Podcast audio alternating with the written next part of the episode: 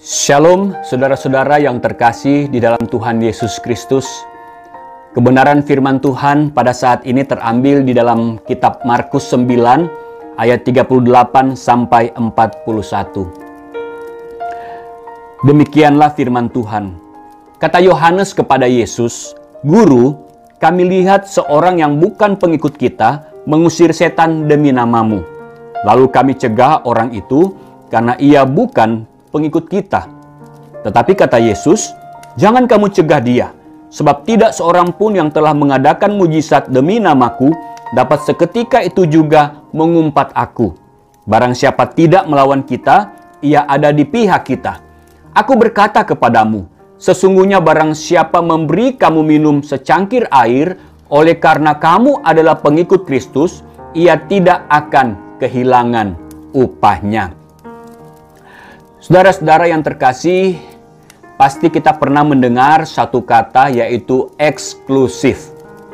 Dalam kamus besar bahasa Indonesia, eksklusif ini berarti terpisah dari yang lain atau tidak termasuk.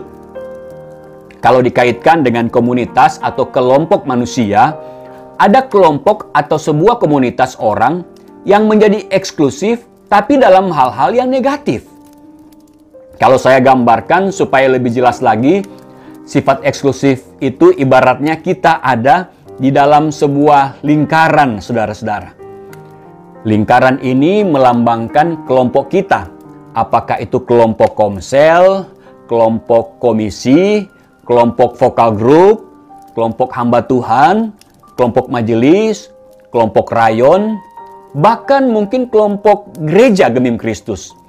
Lalu kemudian dalam lingkaran ini kita merasa kelompok kita lah yang paling benar, paling suci, paling rohani, paling banyak pengalaman, dan di luar dari lingkaran kelompok kita adalah orang-orang yang kita rasa tidak lebih baik dari kita. Nah, itulah sifat eksklusif yang saya bisa katakan negatif dan tidak sesuai dengan firman Tuhan. Saudara-saudara, pesan firman Tuhan kita hari ini mau mengingatkan bahwa kita harus membuang atau melepaskan sikap eksklusif yang negatif itu. Karena kita semua adalah satu anggota tubuh Kristus. Saudara-saudara, gejala eksklusif terlihat tatkala terjadi dialog antara Yohanes dan Tuhan Yesus.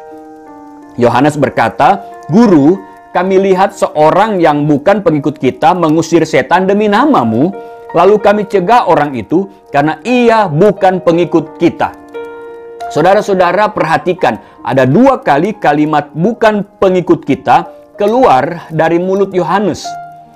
Kelompok para murid khususnya Yohanes merasa terusik, merasa tersaingi ketika ada orang di luar mereka yang pakai nama Yesus untuk mengusir setan. Yohanes dan para murid merasa bahwa hanya mereka lah yang berhak dan layak memakai nama Yesus untuk melakukan mujizat. Saudara-saudara, kalau kita melihat respon dari Tuhan Yesus sangatlah baik. Tuhan berkata, "Jangan kamu cegah dia, sebab tidak seorang pun yang telah mengadakan mujizat demi namaku dapat seketika itu juga mengumpat aku. Barang siapa tidak melawan kita, ia ada di pihak kita." Saudara-saudara, saya menduga orang di luar murid Tuhan Yesus yang mengusir setan itu, ia adalah orang yang juga percaya dan beriman kepada Yesus. Sehingga orang yang tidak dituliskan namanya ini saya bisa katakan, ia juga adalah sesama orang yang percaya kepada Kristus. Saudara-saudara, hari ini kita mau belajar bahwa salah satu halangan utama sebuah komunitas dapat bersinar tidak lain karena banyaknya orang Kristen berpikiran sempit seperti Yohanes dalam firman Tuhan kita hari ini. Jangan sampai kita terjebak dalam lingkaran eksklusif di mana merasa dalam lingkaran kelompok kita lah yang paling benar, sehingga kita memandang yang di luar kelompok kita tidaklah lebih baik dari kita. Ingat saudara-saudara, bahwa karya Yesus Kristus adalah bagi semua orang, asalkan setiap orang mau percaya dengan kuasa dan karya yang telah dilakukan oleh Kristus, maka orang itu pun disebut sebagai satu anggota tubuh Kristus atau satu anggota keluarga Allah.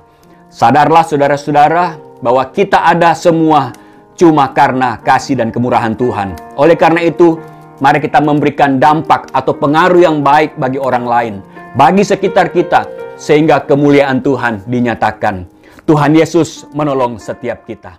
Amin.